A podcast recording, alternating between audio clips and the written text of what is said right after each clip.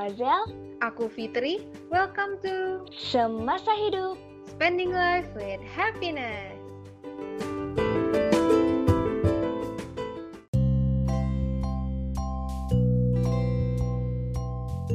Halo. Hai, ketemu lagi nih Sobat Hidup sama aku dan Pite. Yeay, wah hari ini pembahasan kita lanjut ya Zel dari yang kemarin. Mm-mm, kemarin kita udah bahas aspek fisik di usia 2 sampai 11 tahun. Nah, kita sekarang masih di usia yang sama, cuman kita udah ngebahas tentang perkembangan kognitif pada anak. Ya, kita langsung mulai aja ya. Karena perkembangan kognitif ini juga menjadi topik yang menarik di mana kita nih nyari tahu gimana sih sebenarnya cara berpikirnya anak-anak di usia 2 sampai 11 tahun. Iya, benar. Sobat hidup di sini uh, masih pada ingat nggak kalau di tahapan yang sebelumnya yang di cover warna biru tuh yang anak-anak bayi itu tahap perkembangannya ada di mana? Ada di yang pertama dong kan baru lahir. Nah iya namanya sensori motor di mana anak-anak itu memahami dunianya melalui gerak dan juga alat indranya. Mm-mm, betul. Nah, sekarang nih di usia 2 sampai 11 tahun mereka itu pindah nih sobat hidup, pindah ke tahapan lainnya yaitu praoperasional dan juga operasional konkret. Oke, berarti kalau yang pertama waktu anak-anak masih 2 sampai 7 tahun itu masih di tahap praoperasional ya. Betul. Mm-mm. Dan yang lanjutannya adalah operasional konkret di 7 sampai 11 tahun. Nah, dari dua nama itu kan ada kata-kata yang sama ya, Yes. Zel? Pra-operasional sama operasional konkret. Nah, sebenarnya dua tipe ini yang ngebedain adalah di operasionalnya nih. Hmm. Nah, nanti kita akan bahas juga maksudnya operasional itu apa, tapi di sini yang ngebedain adalah kalau yang pra itu berarti sebelum, kalau operasional konkret itu yang setelahnya gitu. Ah iya ya, berarti ini sebenarnya pola pikirnya cenderung sama, cuman yang awal-awal 2 sampai 7 tahun ini kayak masih tahap building gitu ya, persiapan ke operasionalnya itu.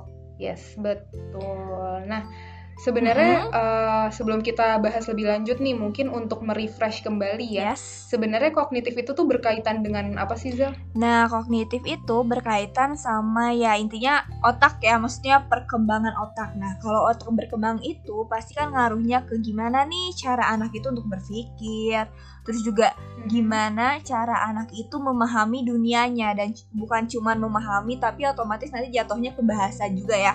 Gimana dia bisa mengungkapkan Betul. itu orang sekitarnya, juga dia udah mulai problem solving apalagi di usia segini ya. Mhm. Terus juga nanti ada kaitannya Yes. sama atensi konsentrasi dan juga memori apa aja sih yang perlu diingat gitu di usia segini itu. Yes, benar banget. Dan pastinya juga untuk kebutuhan akademis ya, Hmm. karena anak-anak di usia segini nih udah mulai masuk sekolah. Ya. Jadi eh, perkembangan kognitif nih juga jadi suatu yang dikonsernin gitu ya. Mm-mm. Oke, so kita masuk aja nih ke tahapan yang pertama di pra-operasional di 2 sampai 7 tahun. Nah, di sini ini sebenarnya eh, cara berpikir anak-anak itu mereka udah mampu ya mempresentasikan dunianya melalui kata-kata dan juga gambar dan benda-benda yang eh, ada di sekelilingnya gitu. Jadi memang masih berkaitan ya kalau yang sebelumnya itu dengan alat indranya. Nah, kalau ini nih udah dalam bentuk hal yang lain gitu di luar dirinya, yaitu kata-kata, gambar, dan benda. Hmm, I see, I see. Nah, Sebenarnya kenapa sih mereka tuh bisanya melalui hal-hal itu? Karena pada dasarnya mereka nih belum bisa melakukan aktivitas operasi. Nah, yang tadi nih sempat disinggung. Mm-mm. Maksudnya aktivitas operasi ini adalah aktivitas mental atau cara berpikir secara dua arah atau reversible. Hmm, bingung nggak Ih, tuh? bingung banget. Reversible. Bingung Oh, banget ya. tuh? Nah, kalau misalkan eh, maksudnya di sini adalah gini, ketika anak-anak di usia 2 sampai 7 tahun ini Mhm. mereka itu belum bisa me- apa ya? menyimpulkan atau berpikir secara abstrak gitu. Mungkin kalau kita ya sebagai orang dewasa atau mungkin eh, anak-anak yang tahapannya jauh ya ada le- lebih lanjut lagi, mereka tuh udah bisa mikir gitu kayak oh kalau misalkan ada suatu benda yang diubah itu tuh adalah benda yang sama gitu. Sedangkan kalau mereka ini nih masih kebingungan akan hal itu. Jadi untuk berpikir uh, kebalikan dua arah sebab akibat ya, kayak gitu-gitu tuh mereka masih struggle lah gitu Hmm, istilahnya. hmm, hmm. jadi konsep-konsep pengoperasi pengoperasian itu juga masih belum uh, bisa gitu mereka tangkap secara utuh. Makanya di sini kan biasanya anak-anak 2 sampai 7 tahun uh, suka denger ya kayak jangan belajar matematika dulu ya, kayak gitu. Iya, benar. Ya, tapi lebih ke pra-matematika mm -hmm. atau kegiatan-kegiatan yang menyupport atau mendukung kegiatan matematis gitu. Masih nyata banget lah ya pemikirannya tuh. Mm -hmm. Oke. Okay. Iya. Nah, di usia 2 sampai 7 tahun ini kan rentang waktunya agak cukup panjang ya. Nah, Betul. di dalamnya juga sebenarnya itu dibagi lagi nih jadi dua sub tahap. Yang mana kalau yang pertama itu ada namanya fungsi simbolik, kalau yang kedua itu ada namanya berpikir intuitif. Nah, yang fungsi simbolik ini itu ketika anak di usia 2 sampai 4 tahun. Hmm. Gitu. Nah, ciri-cirinya tuh apa? Di sini anak tuh kayak udah mulai mampu nih dia udah bisa ngebayangin objek walaupun si objeknya itu nggak hadir secara fisik gitu jadi dia kayak bisa uh, mikirin awan padahal dia ada di kamarnya nih yang mana di kamarnya tuh maksudnya hmm. nggak hmm. bisa lihat keluar kayak gitu nah di di sini tuh ciri utamanya juga ada dua anak itu masih kayak uh, berpikirnya itu secara egosentrik egosentrik itu kayak dia tuh masih ngeliat semuanya tuh sudut pandangnya tuh dari sisi dia aja gitu ya maksudnya masih usia segitu hmm. ya dan yang kedua itu adalah animisme gitu. Animisme itu adalah gimana si anak ini masih kayak nganggap benda mati itu sebagai benda yang hidup gitu.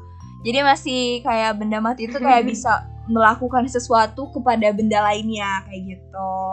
Nah mungkin biar lebih hmm. aplikatif bisa dijelasin juga kayak contoh-contohnya apa nih perilaku anak di usia segini itu. Nah, boleh boleh. Jadi uh, untuk uh, deskripsi fungsi simbolik ya, cara berpikir seperti itu biasanya anak-anak ini mulai mampu untuk menggambar benda-benda di sekitarnya. Kayak misalnya gambar awan tadi yang Azel bilang ya, udah bisa deskripsiin oh awan gitu. Mm -hmm. Tanpa dia melihat benda tersebut itu anak-anak udah bisa gitu. Walaupun uh, gambarnya nggak jelas ya. Iya. Yeah. gambarnya nggak nggak masih belum begitu jelas, tapi anak-anak ini udah mampu. Karena balik lagi tadi di apa namanya di deskripsi awalnya ya. Simbol ya. ya. Kalau misalkan anak-anak ini ya udah bisa uh, apa merepresentasikan dunia melalui kata-kata, gambar dan juga benda. Mm -hmm. Jadi di situ ya contohnya. Oke, okay, betul. Nah, terus contoh lainnya misalnya ketika anak-anak ini dia uh, ini ya lebih imajinatif mm -hmm. juga nih contohnya. Misalkan ketika menggambar dia bisa gambar matahari warnanya yeah. biru atau bahkan tiba-tiba hijau terus tiba-tiba mobil yang ada di atas awan hmm. gitu pokoknya hal-hal yang memang uh, masih imajinatif banget deh gitu karena kan tadi ya balik lagi kayak yang kata Azal bilang kalau anak-anak ini masih fokus sama di uh, pandangan diri sendiri dan juga menganggap benda hidup itu uh, benda mati sorry itu bisa layaknya seperti benda hidup. Hmm, nice ya see. Nah berkaitan juga nih sama imajinasi biasanya anak-anak usia segini tuh seneng banget main pretend play.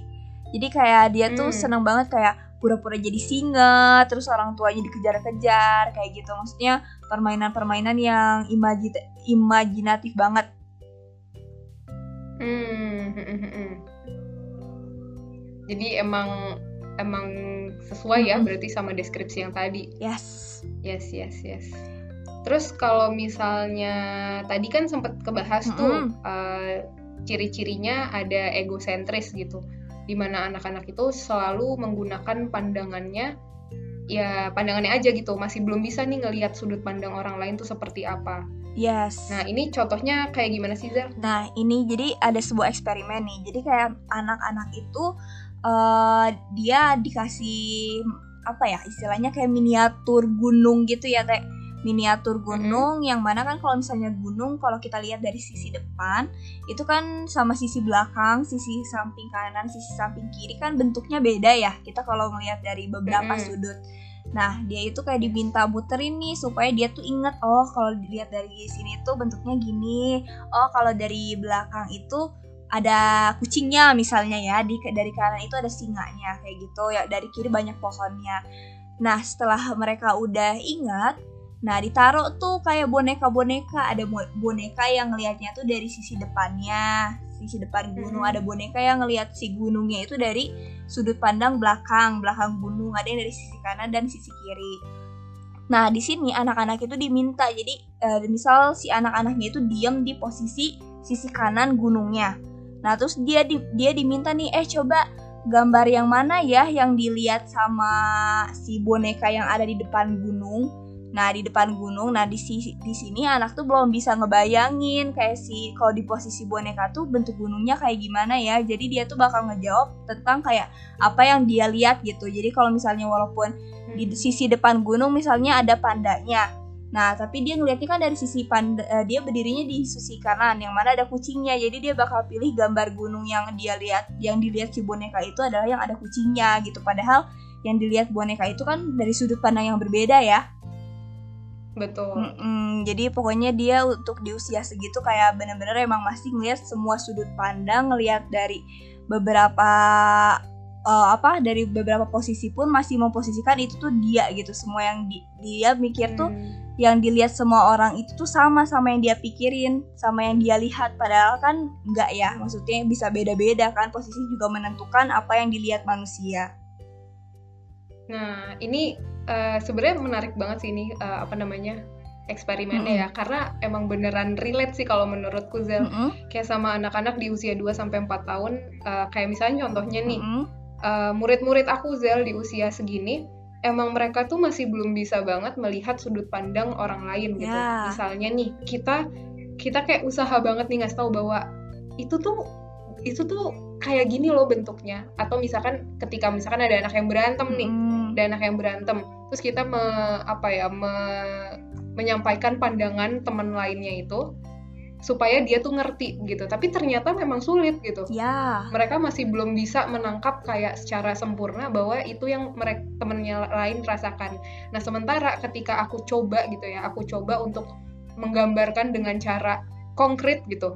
Misalnya uh, ada suatu benda nih gitu. Suatu benda yang emang uh, dia kita kita ini kita apa ya kita tunjukin gitu ke dia supaya dia bisa ngerasain apa yang temennya rasain itu akan jauh lebih mudah gitu komunikasiinnya. Yes. Atau misalkan kayak contohnya nih, kayak aku waktu itu punya tembakan untuk nyalain ini apa namanya kompor, mm -hmm. tahu nggak Zel?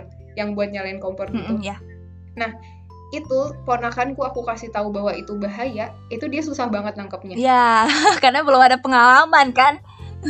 iya, bener-bener nggak mau tahu kalau misalkan menurut pandanganku itu tuh bahaya loh yes. gitu. Nah, sementara ketika aku coba tunjukin, aku nyalain dan kita lihat perhatikan baik-baik bahwa di dalam itu ada percikan apinya. Setelah dia ngeliat realnya gitu ya, ada percikan api, dia baru sadar oke okay, bahaya. Mm -hmm jadi emang bener-bener harus direpresentasiin banget lah dengan uh, benda atau hal-hal yang konkret yang mereka bisa lihat. Iya, yes, betul banget. Karena ya itu balik lagi ya di usia segini emang masih sangat konkret banget gitu dan dia harus dikasih suatu stimulus yang emang itu kayak ngegambarin sudut pandang dari dianya tuh bakal muncul gitu. Karena kalau hmm, berandai-andai yes. sudut pandang orang lain itu kayak maksudnya emang belum waktunya sih. Betul. Nanti akan di tahap selanjutnya ya akan mulai muncul uh, untuk kemampuan itu. Yes. Nah, satu lagi nih tadi terkait dengan animisme. Kalau misalnya anak-anak tuh di usia segini masih kayak ngerasa oh kalau misalnya ada daun jatuh dari pohon dia tuh mikir bahwa si pohon tuh kayak punya benar-benar punya kuasa gitu sih teh jadi kayak si rantingnya tuh kayak kayak emang nyopotin daunnya gitu istilahnya padahal kan sebenarnya pohon kan benda hmm, ini ya maksudnya dia nggak bisa punya kuasa untuk melepas secara sendiri gitu pasti ada ada dari angin juga gitu. Nah kalau dia benar-benar kayak hmm. benda-benda di sekelilingnya itu dia merasa itu kayak punya kekuatan seperti manusia gitu. Iya iya iya. Makanya jangan kaget ya buat teman-teman atau misalkan yang sobat hidup yang dengerin nih kalau tiba-tiba ada anak 2 sampai 4 tahun berandai-andai yang menganggap benda-benda mati itu seperti hidup gitu yes, ya. benar. Karena emang itu lagi usianya. Mm -mm, jadi ini juga sih mungkin nanti kalau misalnya kayak uh, dia tiba-tiba jatuh nih di jalan, uh, di di rumah gitu ya. Nah dia bisa berpikir juga bahwa lantai yang ngedorong dia gitu. Nah kadang kan orang tuanya dipanah, hmm. jangan siapa yang, yang ngedorong hantu gitu kan. Padahal dia emang kayak berpikir emang ada benda mati yang ini ya, maksudnya yang punya kuasa gitu. Padahal kan sebenarnya mungkin dia kepleset doang. Iya iya iya. ya jadi gitu ya uh, gambaran untuk anak-anak di usia 2 sampai 4 tahun di mana subtahapnya tadi judulnya fungsi simbolik. Mm -hmm. Oke, kita move nih ke usia selanjutnya. Masih berada di tahap perkembangan praoperasional ya. Di usia 4 sampai 7 ini namanya adalah berpikir intuitif. Di mana anak-anak ini sudah mulai mengetahui sesuatu namun belum dapat rasionalisasinya. Jadi anak-anak 4 sampai 7 tahun kan udah banyak tahu ya, Zara. Ya. Kayak pastilah udah banyak banget informasi-informasi yang diberikan, misalnya kayak tentang uh, apa namanya uh, hujan Hmm. gitu, kenapa hujan bisa turun dan lain sebagainya. Tapi di sisi lain mereka ini udah tahu banyak hal, tapi kadang uh, untuk mendapati rasionalisasi atau apa ya, ya secara rasional gitu mereka tuh belum nangkep gitu. Yes, benar. Kayak ini ya, maksudnya eh, dia tuh tahu nih kayak bahwa matahari itu tuh bersinar. Nah, terus dia kayak bertanya-tanya ini tuh kenapa bersinar? Dia tuh paham sebenarnya ada proses gitu ya. Maksudnya ada proses di dalamnya tuh yang sehingga itu tuh terjadi cuman kayak untuk kayak menyusun eh, secara detailnya ini tuh seperti apa prosesnya itu dia masih kesulitan gitu. Jadi kayak dia tahu cuman nggak secara sadar banget oh ini tuh seperti ini. Hmm, iya iya iya. Makanya di sini juga uh, sering banget ya anak-anak di usia 4 sampai 7 tahun nih uh, apa ya mencoba melakukan penalaran-penalarannya dengan cara bertanya kenapa? Iya, kenapa gitu. Ah, itu orang tuanya harus pintar juga sih ini. benar. Benar-benar dan uh, menurutku tips yang paling baik ya ya menjelaskan ke anak itu dengan hal-hal yang konkret gitu. Hmm, hmm, hmm, hmm. balik lagi ya. Karena balik lagi tadi ya, karena anak-anak nih bisa merepresentasikan dunianya melalui kata-kata, gambar, dan benda, maka cara menjelaskan paling baik itu ya adalah dengan benda nyata gitu, dengan hal konkret gitu. Mungkin dengan percobaan atau misalnya eh, benda-benda alat peraga gitu ya. Hmm, hmm, Jadi hmm. itu akan ngebantu banget sih.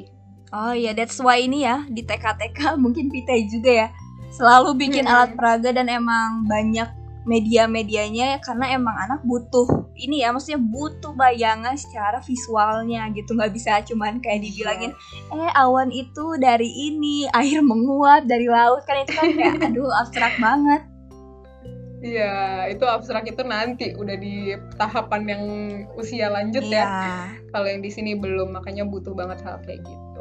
Mm-mm, betul banget. Nah, berkaitan sama yang tadi Pite bilang bahwa kayak maksudnya ada yang nanti nih, berarti kan sebenarnya di tahap ini tuh masih ada keterbatasan ya Teh. Maksudnya ada masih ada keterbatasan pemikiran pada anak usia 2 sampai 7 tahun. Nah, di sini Mhm. eh, kita recall lagi bahwa kayak dia tuh masih terpusat banget nih pola pemikirannya tuh masih terpusat pada satu karakteristik aja. Contohnya, jadi Mm-mm. dia itu kayak eh, misal pul biasa pulang dari sekolahnya itu naik mobil, terus dia mulai inget nih jalan oh jalan dari sekolah tuh kayak gini. Nah, ketika dia suatu saat pulang sekolah itu jalan kaki, nah dia tuh kayak kayak nggak ngerasa bahwa dia tuh pernah pul maksudnya pernah inget jalan-jalan menuju ke rumahnya gitu karena kan konteksnya jadi berubah ya sebelumnya pakai mobil Mm-mm. sebelumnya sekarang pakai jalan kaki aja nah gitu jadi perubahan konteks itu tuh sangat berpengaruh banget nih di usia anak-anak segini Hmm, Gitu. Iya, iya, benar. karena dia masih ngaitin satu hal ke satu situasi istilahnya Hmm, iya, iya. Dan anak-anak ini juga emang ya balik lagi ya karena perhatiannya tuh terhadap satu karakteristik aja. Mm-mm. Jadi karakteristik-karakteristik lain tuh kadang mereka kesampingkan gitu. yes benar Jadi secara fokus dan atensi ya udah pada satu hal itu aja gitu. Mirip sama sesuai ya gambaran yang tadi kita sempat jelasin yang tentang gunung itu. Mm-mm. Nah, makanya di sini anak-anak ini nih belum bisa melakukan suatu kemampuan nih. Jadi ada namanya cara berpikir secara konservasi. Nah, konservasi ini nih adalah eh, ketika seseorang itu bisa mengasosiasikan benda itu kalau diubah bentuknya adalah benda yang sama. Hmm, Contoh. Hmm. Misalnya nih ya, ada play-doh nih, ada play-doh bentuknya bulat. Ada dua dengan berat yang sama gitu ya. Terus eh, kita ubah nih satu play-doh ini dengan bentuk yang memanjang Ah, atau iya, lonjong iya. kayak sosis gitu ya. Terus kita tanya sama anak, yang mana yang lebih banyak? Nah, anak-anak di usia segini, itu mereka pasti akan jawabnya yang lebih banyak adalah yang panjang yes benar Mm-mm. jadi belum bisa apa ya belum bisa uh, nyambung Iya. nih pikirannya gitu ya secara konservasi bahwa ya benda itu gak akan berubah gitu loh dengan uh, apa namanya cuma rubah bentuknya doang ya. benda itu. Mm-mm, jadi dengan mengubah penampilan objek itu tuh nggak akan ngerubah kuantitasnya kok akan tetap sama. Hmm, hmm, hmm, hmm, I see. nanti mungkin kalau di apa kalau sobat hidup punya saudara atau adik ya di usia 2 sampai 7 tahun bisa aja nih dicoba. Misalkan ada air di wadah dua wadah yang sama Hmm, terus kita pindahin satunya nih ke wadah yang pipih yang gitu lebih tinggi gitu Sehingga ya. tingginya banget. iya sehingga lebih tinggi terus kalian tanya deh mana yang lebih banyak nanti coba ya kabarin jawabannya apa Iya, kayak gitu. Karena mereka mungkin bakal ini ya cenderung kayak milih salah satu yang apa? Yang lebih banyak padahal sebenarnya kan dua-dua awalnya sama gitu maksudnya kondisi airnya. Nah, ini juga ini sih teh maksudnya ini Hmm. jadi pengantar juga ke tahap yang selanjutnya supaya kelihatan banget nih ya bedanya kalau yang tadi kita jelasin kan kayak oh si anak-anak tuh ketika dirubah bentuknya bisa bilang playdoh yang panjang itu lebih besar gitu kan. Nah, Mm-mm. sekarang kita coba sangkut pautin di tahapan selanjutnya yang mana itu tuh tahap perkembangan operasional konkret di usia 7 sampai 11 tahun. Nah, di sini anak itu ketika apa benda yang emang awal mulanya sama kuantitasnya tapi salah satunya dirubah bentuk, dia tuh udah tahu bahwa itu tuh sama gitu. Nah, itu jadi perbedaan besarnya tuh di situ ya. Hmm, yes, proses operasional tadi ya. Mm-mm. Bisa tahu nih benda-benda kalau dibolak-balik bolak-balik tuh eh, sama gitu, tahu rumusannya gitu. Nah, kalau di operasional konkret nih udah bisa ya berarti. Yes, betul. Yes. Nah, di sini juga anak-anak juga udah mulai bisa memahami logika sederhana. Jadi kayak misalnya eh, ya karena ba- kebalik lagi tadi ya, secara kemampuan konservasinya tadi itu udah bisa. Jadi anak-anak ini udah apa namanya tahu gitu kalau misalkan ada objek yang berubah penampilannya, ya itu nggak ngerubah kuantitasnya. Jadi eh, udah mulai gitu secara logis mereka berpikir walaupun belum abstrak ya Mm-mm. belum secara abstrak, masih konkret. Makanya namanya operasional konkret. Mm-mm. Masih konkret tapi bisa dari ini ya, maksudnya dari bisa berbagai kondisi, berbagai bentuk ya. Kalau yang tadi kan semula kayak cuman di satu aja gitu. Mm-mm, yes. Jadi emang ini juga sih makanya di usia 7 sampai 11 tahun udah pada mulai boleh nih belajar matematika gitu. Mm-mm. Kayak secara uh, operasional gitu, kayak oh uh, apa namanya penjumlahan, Yes. pengurangan, perkalian, pembagian itu udah mulai bisa. Nah, mungkin kalau tadi ya di usia mungkin di sobat hidup pasti bertanya-tanya juga ya. Terus kalau misalkan anak-anak yang belajar matematika sebelum 7 tahun gimana dong? Nah, itu sebenarnya kalau dari aku pribadi ya secara Montessori memang sebenarnya udah bisa juga diajarin. Cuma bedanya dilakukannya ya dengan tadi benda-benda konkret, Ya. sekonkret mungkin. Kayak misalkan ngenalin angka satu, yaitu dengan bits satu biji Mm-mm. gitu. Terus kalau kita ngenalin 10, ya ada bit 10 buah gitu yang jadi satu. Kalau kita mau ngenalin 100, ya bitsnya harus 100. Yes, betul. Kalau misalkan mau ngenalin 1000, ya bitsnya ada 1000. Jadi mereka benar-benar ngerasain bahwa hal-hal matematis tadi, angka 1, 10, 100, 1000, itu tuh ada benda nyatanya. Iya, betul. Jadi nggak bisa sembarang langsung, hey ini angka tiga ya, tiga tuh apa gitu ya, maksudnya kan belum kebayang. Iya kan? Secara simbol doang gitu mereka juga bingung sih ya. Iya, betul. Kayak gitu. Nah, Kalau yang tadi kan kita udah bilang ya, maksudnya di tahapan ini itu berarti udah bisa ada uh, diajarin tambah-tambahan yang mana itu kan sebenarnya kemampuan numerik ya Teh. Kalau misalnya kita kita biasa kenal. Nah, selain kemampuan numerik di anak usia 7 tahun sampai 11 tahun ini ada kemampuan apa aja sih Teh? Nah, ada kemampuan lain nih namanya kemampuan spasial. Mungkin sobat hidup ada yang tahu apa itu spasial? Tetret. nah, kemampuan spasial ini kayak ini ya, daya apa? me- memprediksi daya, ruang gitu. Jadi kayak misalkan anak-anak ini udah bisa eh, menggunakan peta sederhana untuk ke tempat tertentu.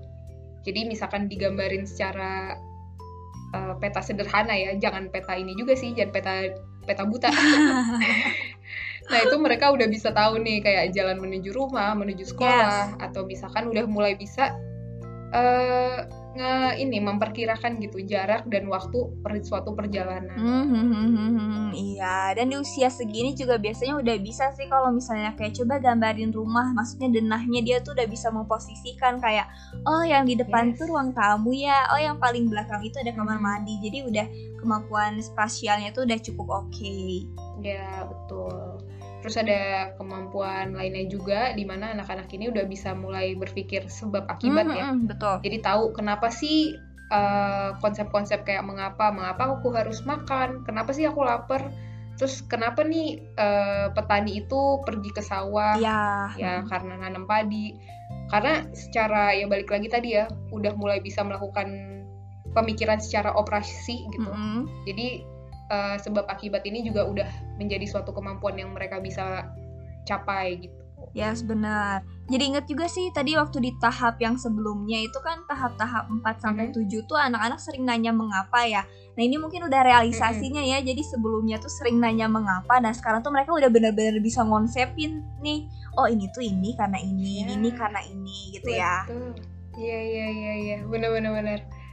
Oke, nah selanjutnya juga ada kemampuan pengelompokan. Jadi di sini tuh anak-anak tuh udah tahu nih bahwa kayak ada kelompok-kelompok tertentu, misalnya kayak pisang, mangga. Mereka tuh tahu oh itu tuh kelompok buah ya, kayak gitu. Terus juga pesawat sama mobil tuh oh transportasi gitu. Terus juga selain kelompok besarnya, hebatnya juga mereka tuh udah tahu gitu bahwa kelompok itu di bawahnya ada yang lebih kecil lagi nih misalnya. Kalau bunga nih kelompok besarnya bunga. Bunga itu kan terdiri dari oh ada mawar ada melati gitu ya. Nah si mawar sendiri kan sebenarnya nanti punya kelompoknya lagi ya. Ada mawar merah mawar putih gitu. Jadi mereka tuh udah tahu bahwa ada kelompok-kelompok nih di benda-benda yang mereka biasa kenali di sekitar mereka. Hmm, ya, ya, udah lebih kompleks ya berarti. Mm-mm, betul banget Kelihatan banget perkembangannya. Oh, wah. Jadi tadi ya udah mulai punya kemampuan spasial, berpikir sebab akibat, terus bisa melakukan pengelompokan. Terus ada kemampuan lainnya lagi nggak? Nah, yang selanjutnya itu adalah judulnya ini agak sulit. Penyimpulan seriasi dan transitif. Nah, ini sulit sih ya, maksudnya bingung gitu ya kalau misalnya ngelihat kata-katanya agak sulit. Tapi gini, jadi di sini tuh anak tuh udah paham konsep urutan yang kompleks gitu. Misalnya kayak gini, eh, dia dikasih tahu nih bahwa ini nih bola A ada tiga bola ya. Bola A ini lebih Mhm. besar dari bola B. Lalu mhm. si bola B ini lebih besar dari bola C gitu. Jadi kayak ada urutannya. Nah, dia kan kita yang kasih taunya Hmm. cuman kayak A lebih besar dari B. B lebih besar dari C. Nah, dia udah bisa nyimpulin That's juga bahwa si A itu berarti lebih besar dari si C juga gitu. Karena kan posisinya A lebih besar dari B. Hmm. B lebih besar dari C berarti kan otomatis si A itu lebih besar dari B dan C juga kan jadi walaupun gak dikasih tahu bahwa A tuh lebih besar dari C loh tapi dia udah bisa tahu nih serangkaiannya tuh kayak gimana gitu sudah keren Oh. mikirnya Nih, jangan-jangan udah bisa nyusun skripsi nih, udah bisa nalar-nalar gitu. Menalar-nalar. iya nalarnya udah Aduh. keren Oh, iya iya iya iya. iya. Eh, jadi inget? Zah, kalau dulu zaman di kampus kan ada yang apa deh sebutan penalaran apa sih cara berpikir umum Ya, ya, ya, ya, ya, ngerti, umum. ngerti. apa tuh namanya intinya kayak kalau misalnya A sama dengan B B sama dengan C maka A sama dengan C gitu-gitu kan Wah, agak aku juga lupa Ya, namanya apa ini apa ya yang apa sih umum khusus umum khusus tuh induktif deduktif apa ya Oh iya, iya, iya ada juga selain yang tadi ada induktif sama deduktif. Oh, mereka bisa kayak gitu Bisa juga Kayak gitu. wah kirain udah bisa Ini kan soalnya udah kalau kita bayangin ya, usia 7 sampai 11 tahun itu tuh udah masuk SD. Nah, kalau misalnya kita Mm-mm. ingat-ingat di usia segitu tuh kita udah ini gak sih udah kayak belajarnya tuh lewat textbook yang kayak bahasa Indonesia yang isinya tuh mengisi Mm-mm. kalimat-kalimat kayak gitu. Jadi mungkin ini juga udah relate ya sama pelajaran yang biasa kita pelajari dulu. Iya. Mm-mm. Ya, dan ini maksudnya kemampuan-kemampuan ini kan tadi juga usianya juga lumayan panjang ya, 7 sampai 11 tahun di mana 11 tahun itu kan udah ngedeketin ke remaja ya. Mm-mm. Jadi memang memungkinkan juga sih sebenarnya buat berpikirnya emang jauh lebih kompleks. Ya, yes, benar. Nah, tadi berpikir induktif, deduktif ini contohnya tuh kayak dia kayak ngejawab-jawab kayak soal-soal yang rumah yang sehat itu adalah rumah yang bersih gitu. Terus anak yang pinter hmm. itu adalah anak yang oh rajin belajar. Terus kayak kalau misalnya buang sembarang buang sampah sembarangan maka nanti gimana gitu. Oh banjir. Jadi mereka udah paham banget nih penalaran induktif dan deduktif hmm. ini. Hmm, karena tadi itu ya udah bisa apa namanya, udah bisa berpikir secara sebab akibat dan tahu nih pengelompokannya yang secara lebih apa mendetail gitu ya. Hmm. Kayak misalkan uh, tadi tuh bunga bunga itu ada bunga mawar, melati, mawar itu pengelompokannya apa. Jadi memang secara penjabaran yang umum itu mereka udah nangkap, terus informasi khusus yang secara lanjutnya juga udah bisa mereka tangkap gitu jadi iya sih masuk akal deh masuk yes. akal kalau misalkan mereka udah bisa ngejabarin kayak gitu mm -mm, betul banget yes yes yes yes nah Wih. ada aspek apa lagi nih teh kemampuan apa nah aspek selanjutnya kemampuan yang lainnya tuh yang ini yang sama ya tadi berarti karena memang di usia lanjutannya mereka udah bisa berpikir secara konservasi yang tadi hmm, kalau misalkan hmm. ada benda-benda uh, yang bentuknya sama ketika diubah yaitu masih dalam kuantitas yang sama gitu. I see, I see. Jadi kalau misalkan tadi teman-teman nyoba ini yang tadi mau dicobain dua wadah yang berisi air yang sama banyak dan dipindahin ke wadah pipih, anak-anak seusia ini di usia 7 sampai 11 tahun ini udah bisa jawab hmm. bahwa sebenarnya itu sama kok. Mantap. Ya, walaupun yang satu kelihatannya lebih tinggi gitu ya, tapi itu sama keren, gitu. Keren. Karena mereka udah bisa udah bisa apa namanya? berpikir secara konservasi itu tadi. Yes.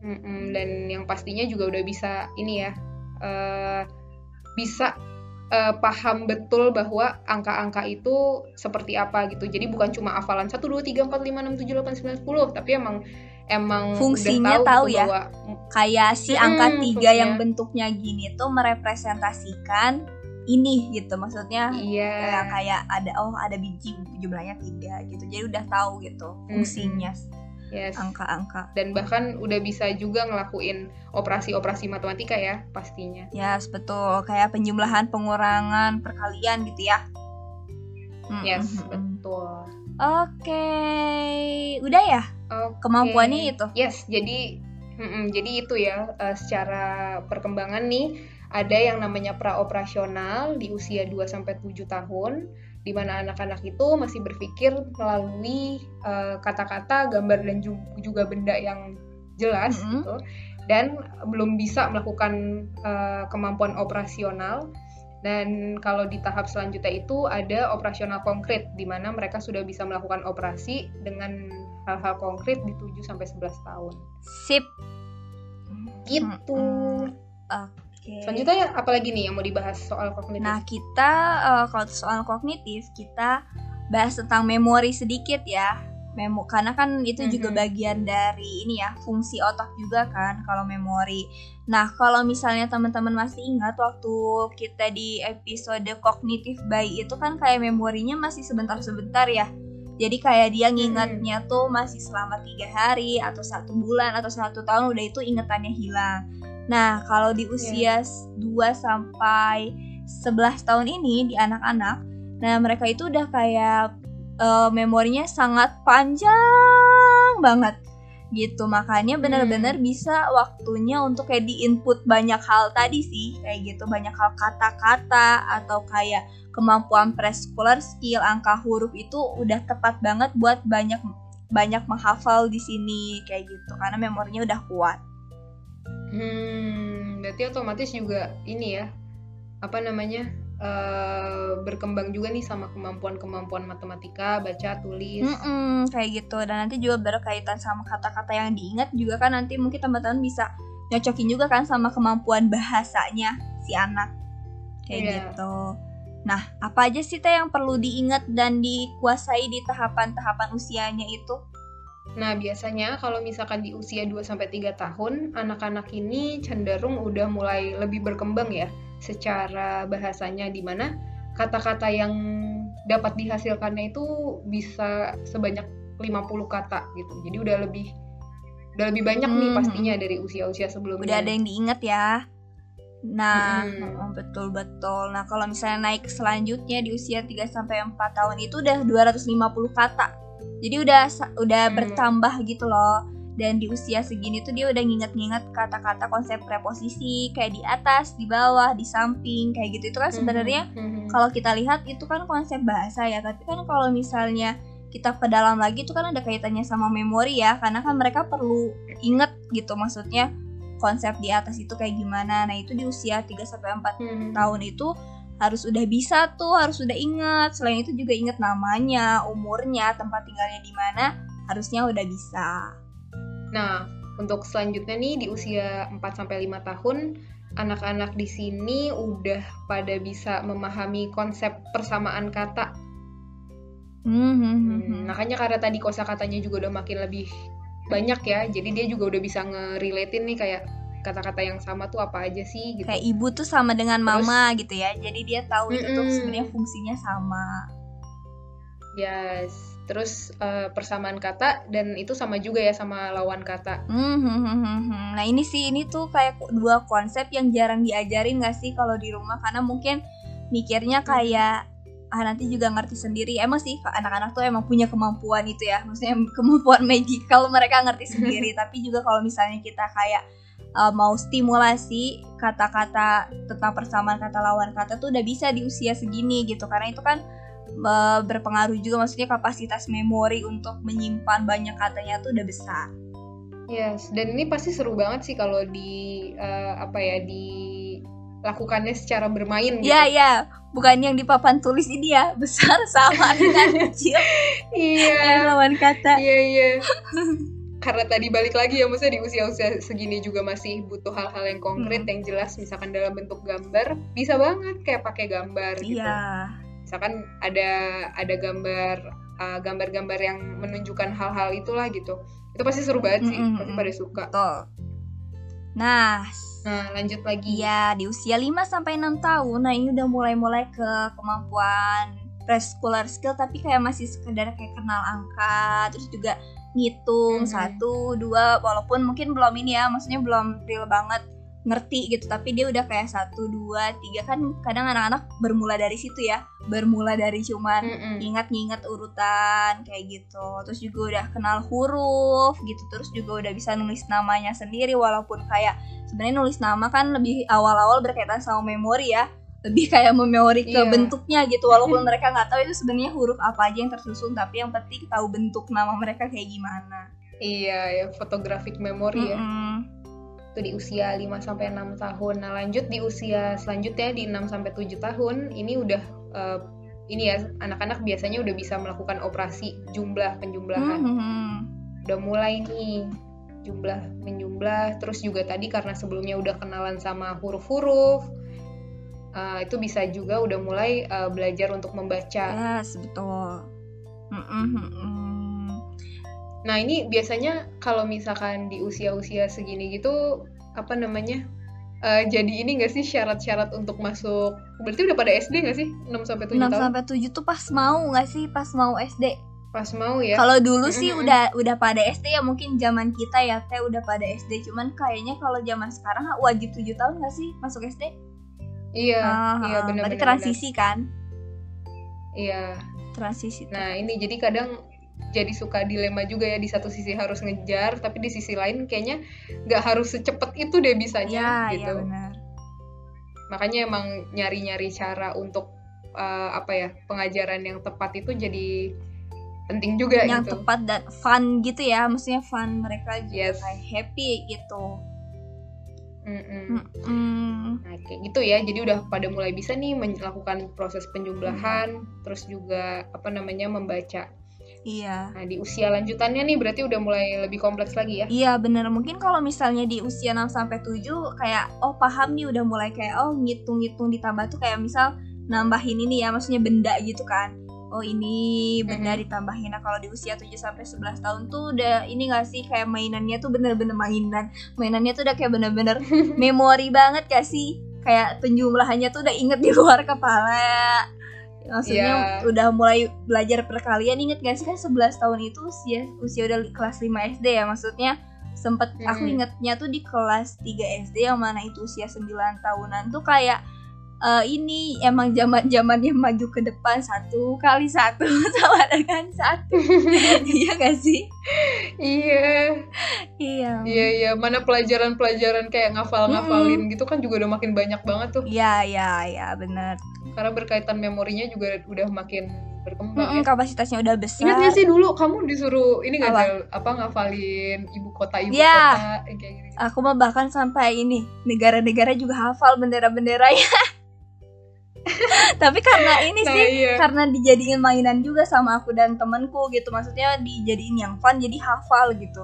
Maksudnya tetap Hmm. seusia maksudnya tetap bayangkan nih bahwa kita anak SD walaupun disuruh bisa mengingat banyak tapi kan tetap ada cara yang fun gitu untuk mengingat sesuatu tuh. Iya bener-bener Wah itu seru sih. Maksudnya kalau untuk eh, secara gimana penerapannya Mungkin akan jadi eh, ini, sel- ini selanjutnya ya Zel Akan jadi pembahasan lainnya lagi nih Yes, bener banget. Nah, cuman ini harapannya dari kita udah ngebagi-bagi per usia ini, jadi orang tua juga ini ya, Mhm. maksudnya bisa memudahkan kayak, oh di usia segini anakku tuh harus udah mampu ini. Terus juga sadar, oh ternyata emang Mhm. belum perlu mampu nih, jadi nggak perlu dipaksain kayak gitu. Terus juga bisa kayak, em, apa ya, mulai kayak, oh emang ini anak-anak tuh masih konkret banget pemikirannya tadi kalau misalnya masih empat tahun pantas aja nggak ngerti omonganku kalau aku cuma ngomong doang maksudnya itu bisa jadi pemahaman supaya kayak oh orang tua tuh kayak nggak terlalu memaksakan gitu ya. Ya bener banget.